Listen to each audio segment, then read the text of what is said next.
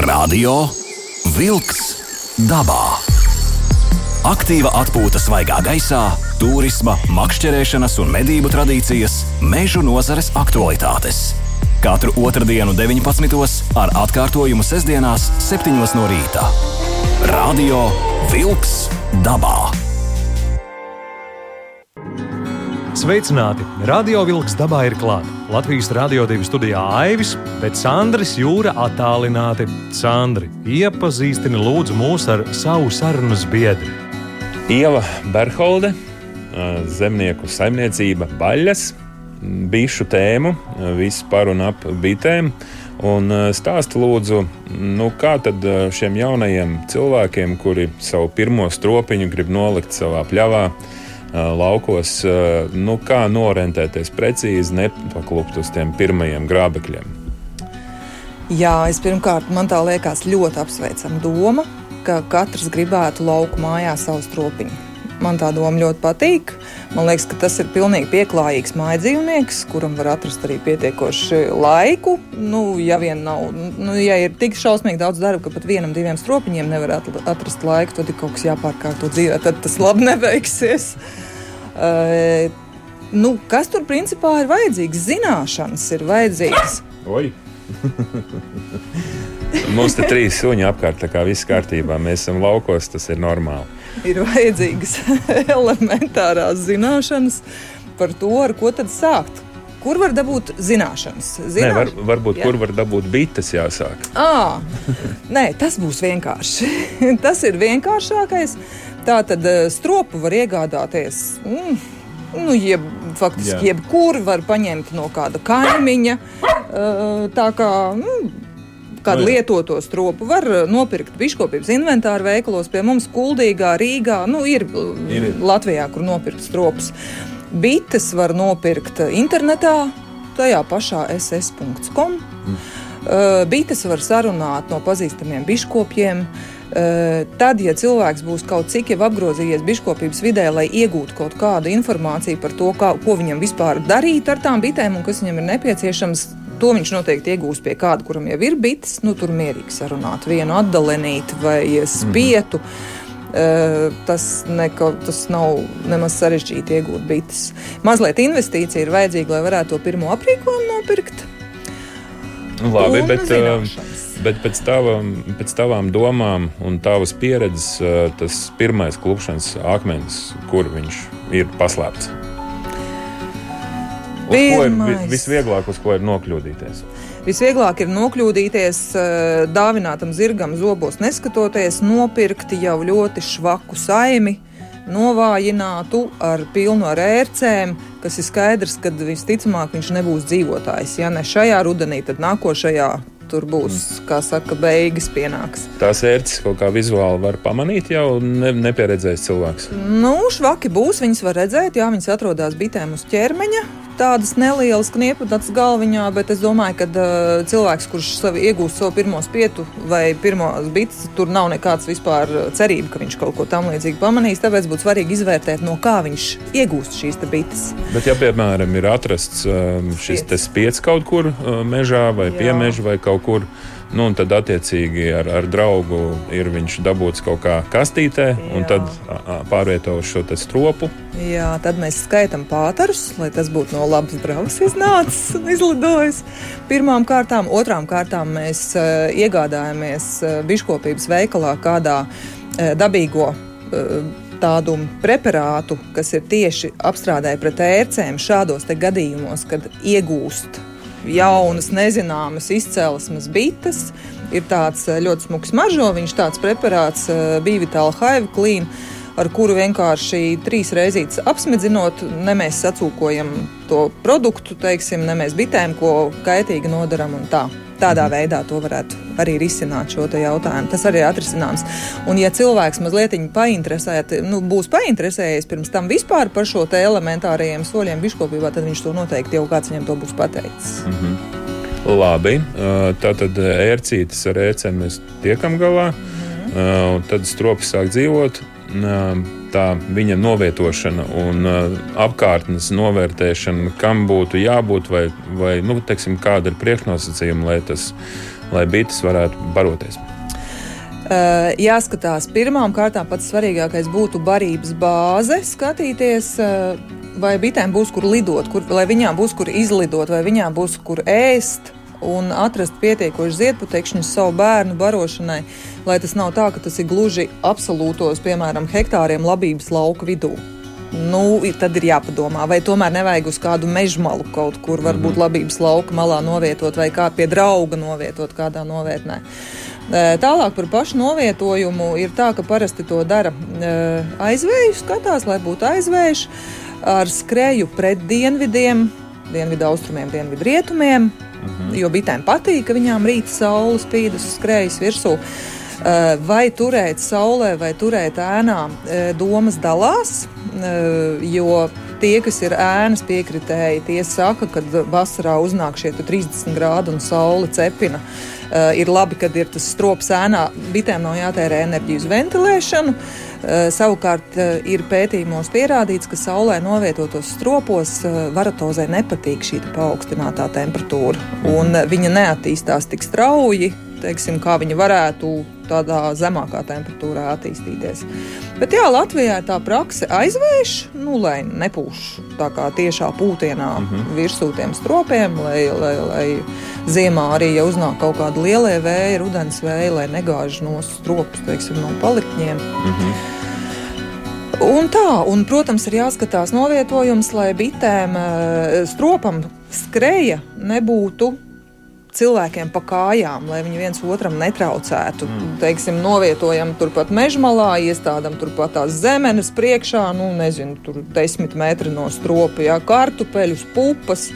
Un tad nāk negaiss, un bitēm nav laba oma. Viņas tagad nāk ārā un skatās, kas te tāds sarkanā peltkostīmā mums te grozās pa kājām. Jā. Aha. Par to ir jāpadomā, lai nesanāktu tāda lieka saķeršanās, jā, kam tas viss ir vajadzīgs, lai tomēr nebūtu pa kājām eh, bite cilvēkam un cilvēks bitē. Un, uh, paiet kaut kāds nu, laiks, es nezinu, mēnesis vai divi mēneši, un pēc kā var pateikt, ka kaut kas nav kārtībā, vai pēc kā var pateikt, ka viss ir kārtībā ar stropu un kad var, teiksim, mierīgi sirdi gulēt nāk medus. tā būtu pirmā pazīme, bet saimē jāpaplašinās. Bišu mātei tā tad ir eh, jādēj, ir jābūt dējumiem, ir jābūt periem.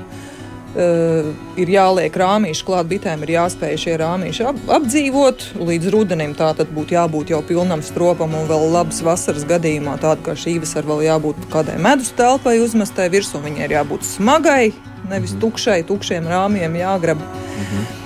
Jā. Tad, tad uh, ik pa laikam uh, pieliekam kādu rāmīti klāt. Jā, tas ir. Uh, parasti bišu saimnes startiņā uz kādiem četriem, pieciem rāmjiem, varbūt, ja liels spiedz, tad uz septiņiem rāmjiem var noturēt. Un tad ir eh, jāpaplašina, jā, ik pēc nedēļas, principā pie bitēm būtu jāpieiet ik pēc 11 dienām. Tas ir tāds optimālais vasarā sezonā. Nē, ziemā, nē, rudenī, nē, bet tieši tajā vasarā ik pēc 11 dienām, lai varētu novērtēt, kāda ir situācija, vai māte dēļ, vai pēri aizvākojās, vai sēne paplašinās. Un, jā, un tad liekam tukšos mākslīgām šūnām izvilktos uh, rāmīšus klāt, kamēr strops ir pilns. Mm -hmm. Latvijas stāvstropā 15 rāmji iet apakšā, tur ir plašāka tā vieta, kur izplasties. Ja ir iegādāts kāds daudzkorpusu strops, tad tur ir jāplašās uz augšu. Teiksim, ātri mēs pieliekam to apakšu pilnu, bites viņas apdzīvo, izvelk šūnas, ražo vasku, liekam jau nākošo korpusu virsū, lai attīstās uz augšu un nes medu. Uh, medus ievākšana uh, teiksim, notiek nu, kad? Tagad, man liekas, vai ne? Jā. Jā. Uh, mēs jau savā saimniecībā magazīnus esam jau noņēmuši jau mēnesi atpakaļ. Tās medus telpas saucamās, jo ienesums šogad uh, nu, mūsu saimniecībā beidzās vienā dienā ļoti konkrēti. Tas bija 7. jūlijas, kad nogrieztā kā ar nazi. Uh, bites sāk lidot apkārt, apjukušas un meklēt, kur tad mums te viss tas labais ienesums ir palicis. Jo līdz tam tiešām viss medoja, liepas medoja, liepu, lapas uh, svīda, ozoli svīda, kauleņu koki, plūmes, ķirši. Visas lapas bija lipīgas, bija bitēm un visām mušiņām, visiem gukainīšiem bija ko nest. Mm -hmm. Un tad vienā dienā tas izbeidzās. Un, un labi, 7. jūlijas viss beidzās. Tālāk. Jā, nu tālāk vēl biškops kāds divas nedēļas cer ka kaut kas varbūt notiks. Vai arī mūsu gadījumā mēs mēdzam izvest uz sētajām ganībām, nu, sekojam līdzi, kur, piemēram, griķu lauks ir uzziedējis, ja, vai sāk gatavot kāds virsim, sāk gatavot vest uz viršu ganībām. Un tā biško parasti vēl cer, tad, kad šī tāda gadījuma notiek. Un tad, jā, tad ņem medus telpas nost un gaida augustu kad sāk ziemināt apakšas. Bites sāk ga gatavot ziemai, noņem apakšējos liekos medus rāmis nost, jo bitēm, pie, piemēram, Latvijas stāvstropā uz 15, strop, uz 15 rāmjiem stropā viņām ir pa plašu. Tās visas vasaras bitītes jau aizies rudenī bojā un paliks tikai ziemas bites, kas ir krietni mazāk nekā kopējais stropa apjoms vasarā. Izskatās tas bišu daudzums un sāk ziemināt. Jā, pa, piebaro ar sīrupu, izvērtē situāciju, cik kilogrami medus apmēram paliek uh, stropā iekšā. Tā piemet galvā, cik kilograms vajadzētu vēl sīrupu piedot klāt bitēm, lai pietiktu barību. Sviež lielos rāmjus, domā, kā apstrādās pret to ēci, jo rudens ir tas brīdis, kad ir vai nu no ar skābēm, ar dabīgiem līdzekļiem, vai no nu arī ar uh, sintētiskajiem akaricīdiem ir kaut kas jādara lietas labā mm -hmm. pret šo tēmu pērču invāziju saimē. Un viss, un sāk domāt, kur to daudzo medu liks. Radio Wolks dabā. Aiziet dabā! Ieva Berholde, zemnieku saimniecība Baļas un medus. Daudzais medus. Jā. Medus ir teiksim, nu, augusta mēnesī, ja visi to jau zina ka ir svaigais jaunais medus. Saki lūdzu par dažādu, dažādiem mediem. Tātad vis visādi nosaukumi, beidzot ar kaut kādiem griķu mediem un, un vēl vis, visādiem mediem. Kas ir tie pamat medi, kas ir tavā saimniecībā? Nu, ja runājam par dažādām medšķirnēm, tad uh, Jūs esat trāpījuši, kā saka, īstajā vietā, jo mūsu saimniecība no lielākā vairuma Latvijas eh, bišu saimniecību, lielo un mazo, atšķirās ar to, ka mēs specializējamies monoflorā medus ievākšanā. Monoflors medus ir un poliflors. Poliflors ir tas, ko ievāc visu mūžu. Rudenī vienreiz izsviežot visu medus ražu no visiem stropiem, sajaucās tur viss kopā, un tas ir vienkārši medus. Monofloram medum ir mazliet uh, sarežģītāka, darbietilpīgāka tā ievākšanas sistēma. Uh, respektīvi, tev ir jāvaktē kurš augs zied, tev ir jāseko dabā līdzi procesiem, kad ir liepa, kad ir kārkli pavasarī, lai kārkli nesajaucās ar ziemas rapsi, kas dažreiz zied vienlaicīgi, dažreiz kārkli pa priekšu ziemas rapsi pēc tam. Uh, uz sētajiem āboliņu laukiem jāizved uh, bites ganībās izved bites ganībās, tas saucās. Un šādā veidā, izvietojot bišu stropus dažādās vietās, kuras pirms tam biškops ir izpētījis, vai sējumos, sarunājot pat ar zemniekiem, jo mums ir arī tāda iespēja, mēs sarunājam ar saviem apkārtējiem zemniekiem, kurš ko sēs, kurā brīdī, kas mums būs, un mēs plānojam, kur mēs vedīsim bites. Un šādā veidā var iegūt dažādus medus šķirnes. Bitei, tātad mums tradicionālais jautājums ir, Kā jūs zinat, ka tā bite ienesa tieši no šī auga? Nu, to jau mēs sen esam izdomājuši, kā mēs to varētu uzzināt. Jo, kā zināms, bites nevar kontrolēt, viņi vienkārši lido tur, kur uh, zied. Un kas ir pats dīvainākais, viņa izvēlās pat pēc saviem kritērijiem šo lidojumu. Jo, piemēram, mēs izvedam uz vasaras rapsi, Tad, kad zied vasaras rapsis, blakus ir liepu birze. Viņiem tas vasaras rapsis vispār neinteresē. Viņi paņem šauj prom uz liepu birzi. Nu, tas jau ir ļoti labs gadījums, ne, jo ir liepu medus. Bet eh, kas notiek tajā brīdī, kad tu izved, piemēram, uz, eh, izved uz griķiem un ar plānu, ka tev nu tagad būs attiecīgās tonnas vai simti kilogramu griķu medus, un tu pat redz, ka griķis medo. Ar šīm nē, šīm ir sācies lapu izsvīdums mežā. Un neviena tavos griķos neiet, un vienkārši dur uz mežu un nes izsvīdumu medu mājās. Jā. Un šādā veidā, bet kā tad var noteikt? Pirmām kārtām jau var noteikt pēc garšas, pēc krāsas. To ietrenējās. Tas nav nekas īpaši sarežģīts, jo cilvēks var vīnus iemācīties izgaršot un dažādas notis, labas spalvas un plūmus un ko tik tur atrast. Tad to pašu var iemācīties arī ar medu darīt. Bet Eiropas Savienības regula saka, ka um, var noteikt medus šķirni pēc ziedputekšņu sastāvā. Katrai medus šķirnei ir regulāri noteikts procentuālais ziedputekšņa daudzums no attiecīgā auga, ko tu gribi e, līmēt uz etiķetes virsū un paziņot, ka tas ir šī auga medus. Mhm. Un, uh, tur tas putekšņu daudzums varē, jo ir dažādi augi, kuri dažādi ziedēšanas laikā dod šos putekšņus. Uh, tāpēc tas nav tā, ka, piemēram, jābūt 50% tieši tā auga. Mm -hmm. Ir citiem mazāk, ir citiem vairāk.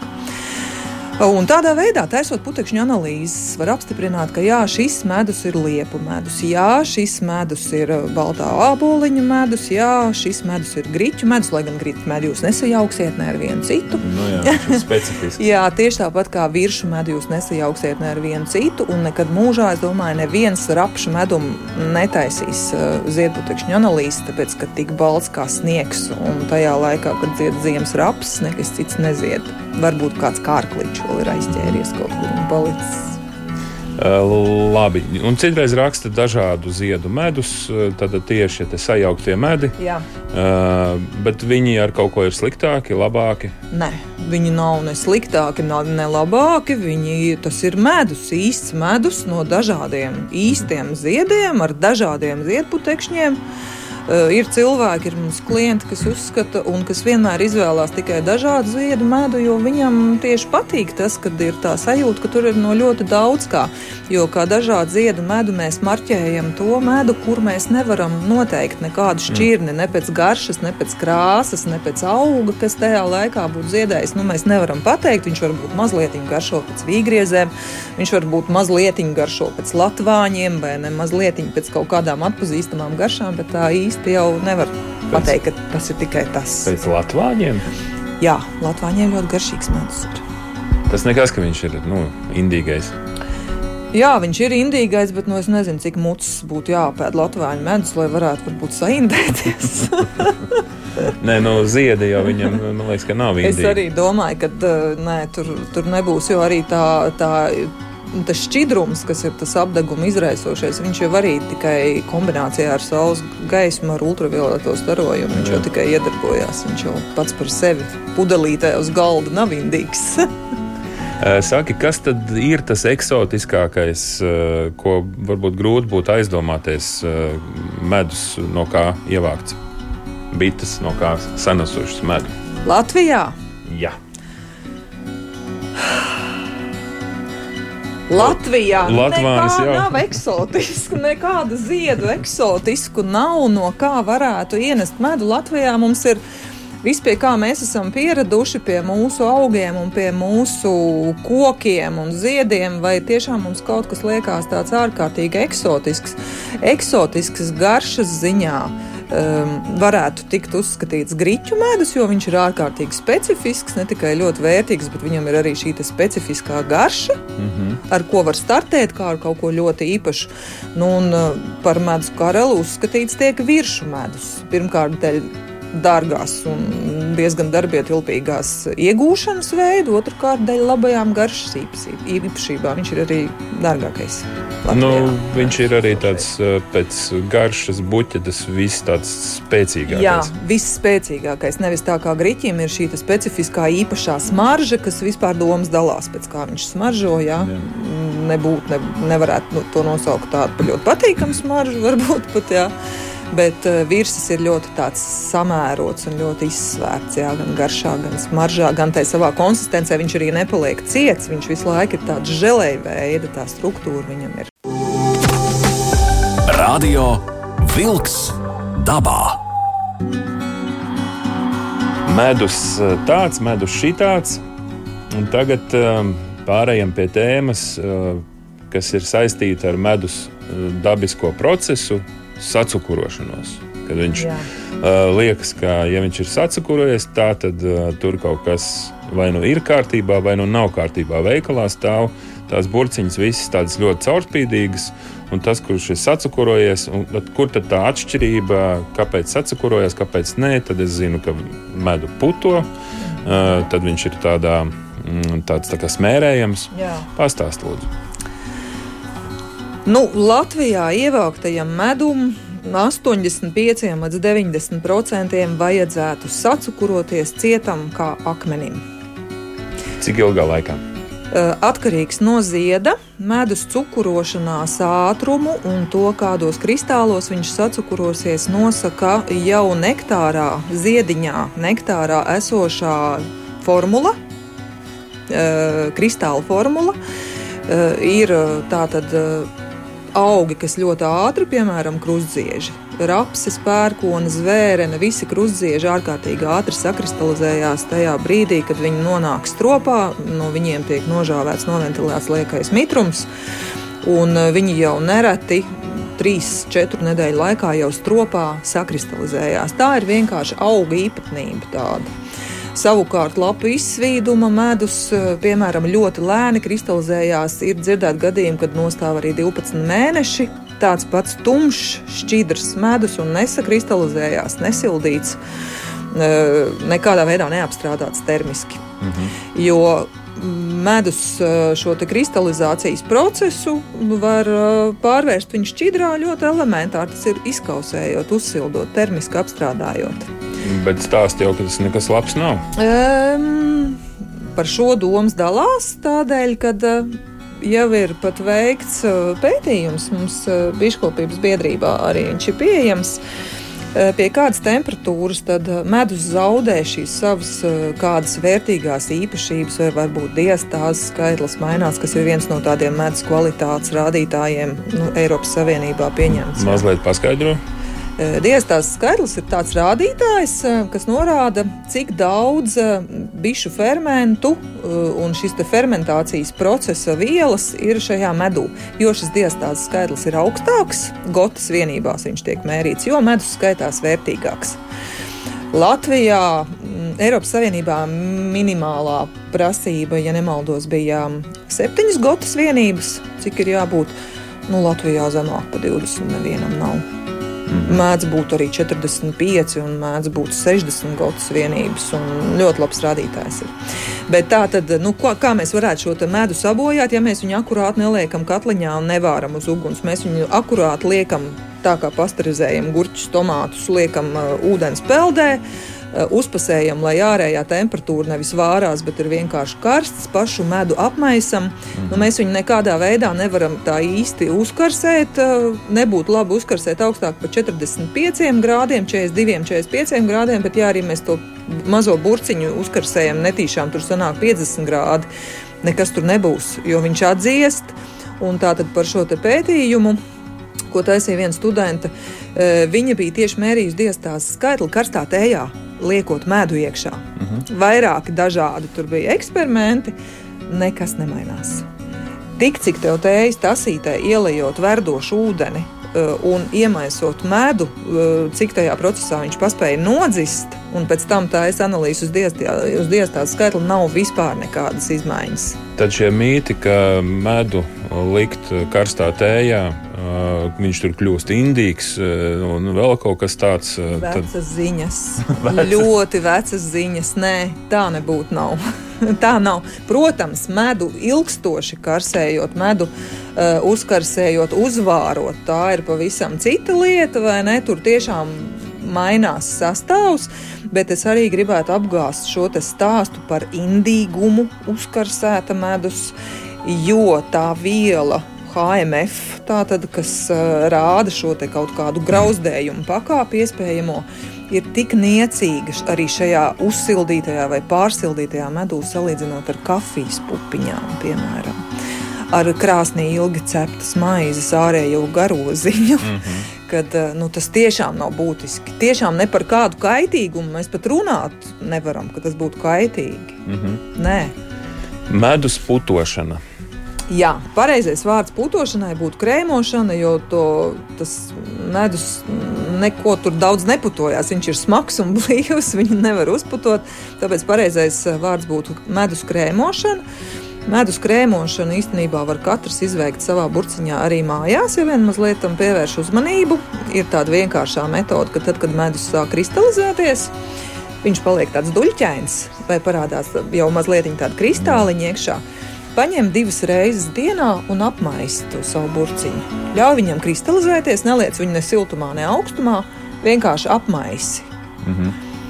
Un viņš turpinās kristalizēties, bet viņam vairs nebūs, viņam būs salauzts kristāls, viņam būs izjaukta šī struktūra. Mm. Un beigās būs sapiezējis medus, bet viņš būs smērējams. Mm. Nu, profesionāli to dara mazliet savādāk. Protams, ka neviens, piemēram, trīs tonnas neiet apmaisīt katru dienu, ja, un ne, nevaktē, kad nu, viņš sāk duļķoties un sākās šis kristalizācijas process.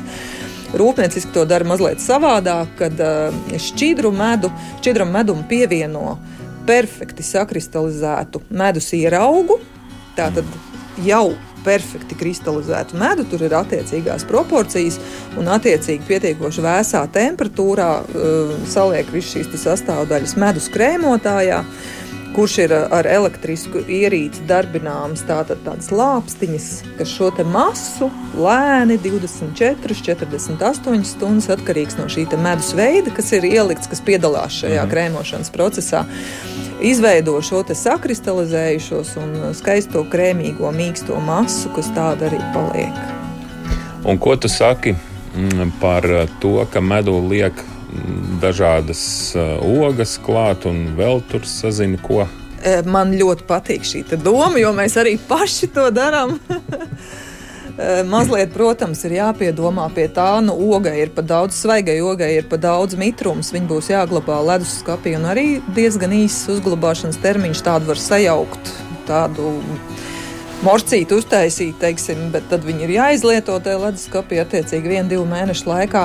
Bet, eh, jā, medus ražotāji jau ir izdomājuši, kādā veidā var eh, dažādus, nu, dažādā veidā jau kāds liek žāvētus augļus klāt. Eh, kāds liek ar saldēšanu izžāvēts augļus klāt, kāds uh, novakumo nost, teiksim, lieko ūdeni uh, no ogām, un tad jau šādas sausas, uh, jau apsausināts ogas mājas klāt. Man liekas ļoti forši, jo tā ir zaptas alternatīva. Paliek vitamīni, paliek minerālvielas. Medus vairs nav tikai tik salds, kas daudziem cilvēkiem traucē baudīt medu, jo viņam ir tikai saldā garša, bet tad, kad tu pievieno smuki skābumiņu klāt, Tas ir pilnīgi savādāk baudāms produkts. Mums ir arī medus ar pīlāģiem, kur ir ne tikai skābumiņš klāts, bet kur arī mazliet rūkstošs no tās pīlāģogas ir klāts. Nu, vispār super. Ļoti skaisti. Ieva, paldies tev par uh, šo informāciju. Tā tad uh, svarīgā, uh, man svarīgā ziņa, ko tu apgāzi šo dogmu par to, ka nedrīkst medu likt karstā tējā. Ok, varbūt tur kaut kāda, kāds min minerāls eh, varbūt tur iet bojā, ja, bet nu, katrā ziņā tēja nekļūst indīga. Eh, un tā, tādā ziņā kaut kāda nu, ne, nedzerama. Jā, jā noteikti. Un, eh, un, tātad, un pēdējais jautājums par šo cukura likšanu klāt medum. Latvijā to vispār kāds nu, piekopja? Es domāju. Es domāju, ka tas nav aktuāli. Mūsu dienās tas nav aktuāli. Tas ir saglabājies priekšstats no padomju laikiem Mm -hmm. Kad uh, bites tika piebarotas arī sezonā ar cukuru, ārkārtīgi vienkārši iemeslu dēļ, jo par savāktajiem saimniecībā savāktajiem ziedputekšņiem maksāja kosmiskas summas, un visiem biškopiem bija žiguļi, volgas un moskviči tieši mm -hmm. tādēļ, ka viņi bija nopelnījuši uz ziedputekšņiem. Un, lai bite ietu ziedputekšņos, viņai ir jānodrošina barības bāze un vārīt cukuriņu un lēja klāt. Nu, tad rudenī varēja saimniecībās, visos kolhozos varēja dabūt šo medu. Un, protams, ka visi zināja, ka visu vasaru ir bitītes, ir barots arī ar cukuriņu. Nu, tad arī katrs tai savā kanniņā, nu, cik tur bija, tik tur bija tas medus. Nu. Es domāju, ka mūsu laikos tas nav aktuāli. Manā, manā redzes lokā pa šiem gadiem es pat neatceros tādu gadījumu, kad es kaut kur būtu dzirdējis biškopu aprindās, ka tiktu runāts, ah, zin kā uztai, nu, Tas es dzirdēju, ka tur to cukuru ber klāt tagad vasarā, jā, un, un nes uz tirgu pārdot burciņus. Jā. Jo tā īsti ne pēc garšas, ne pēc tās cukurošanās, ne ar ķīmisko zīmolu, jau arī neviens nevarēs pateikt, ka tas ir cukura vai tas nav cukura medus. To, kāds cukurs ir šajā medū iekšā, to var noteikt tikai laboratoriski. Un visi šie pētījumi slavenajā RNTV Krievijas kanālā, kur medu mēdz dedzināt, kur medu mēdz jaukt ar ūdeni un tad šķīvī skalināt un skatīties, vai viņš eh, veido struktūru, vai viņš šķīst vai nešķīst. Tā ir vienkārši raķešu zinātne. Tas ir kaut kas Nu, fantastisks. nu, tas kanāls arī par to. Jā. Labi, jau paldies tev par šo sarunu. Lai daudz medus, lai bitēm, Paldies. uh, putekšņi daudz, un uh, tiekamies kādreiz atkal. Atā! Atā. Paldies par interesanto stāstu Ievai Berholdei. Kopā ar jums bija Sandris Jūra attālināti un Aivis no studijas. Uz sadzirdēšanos!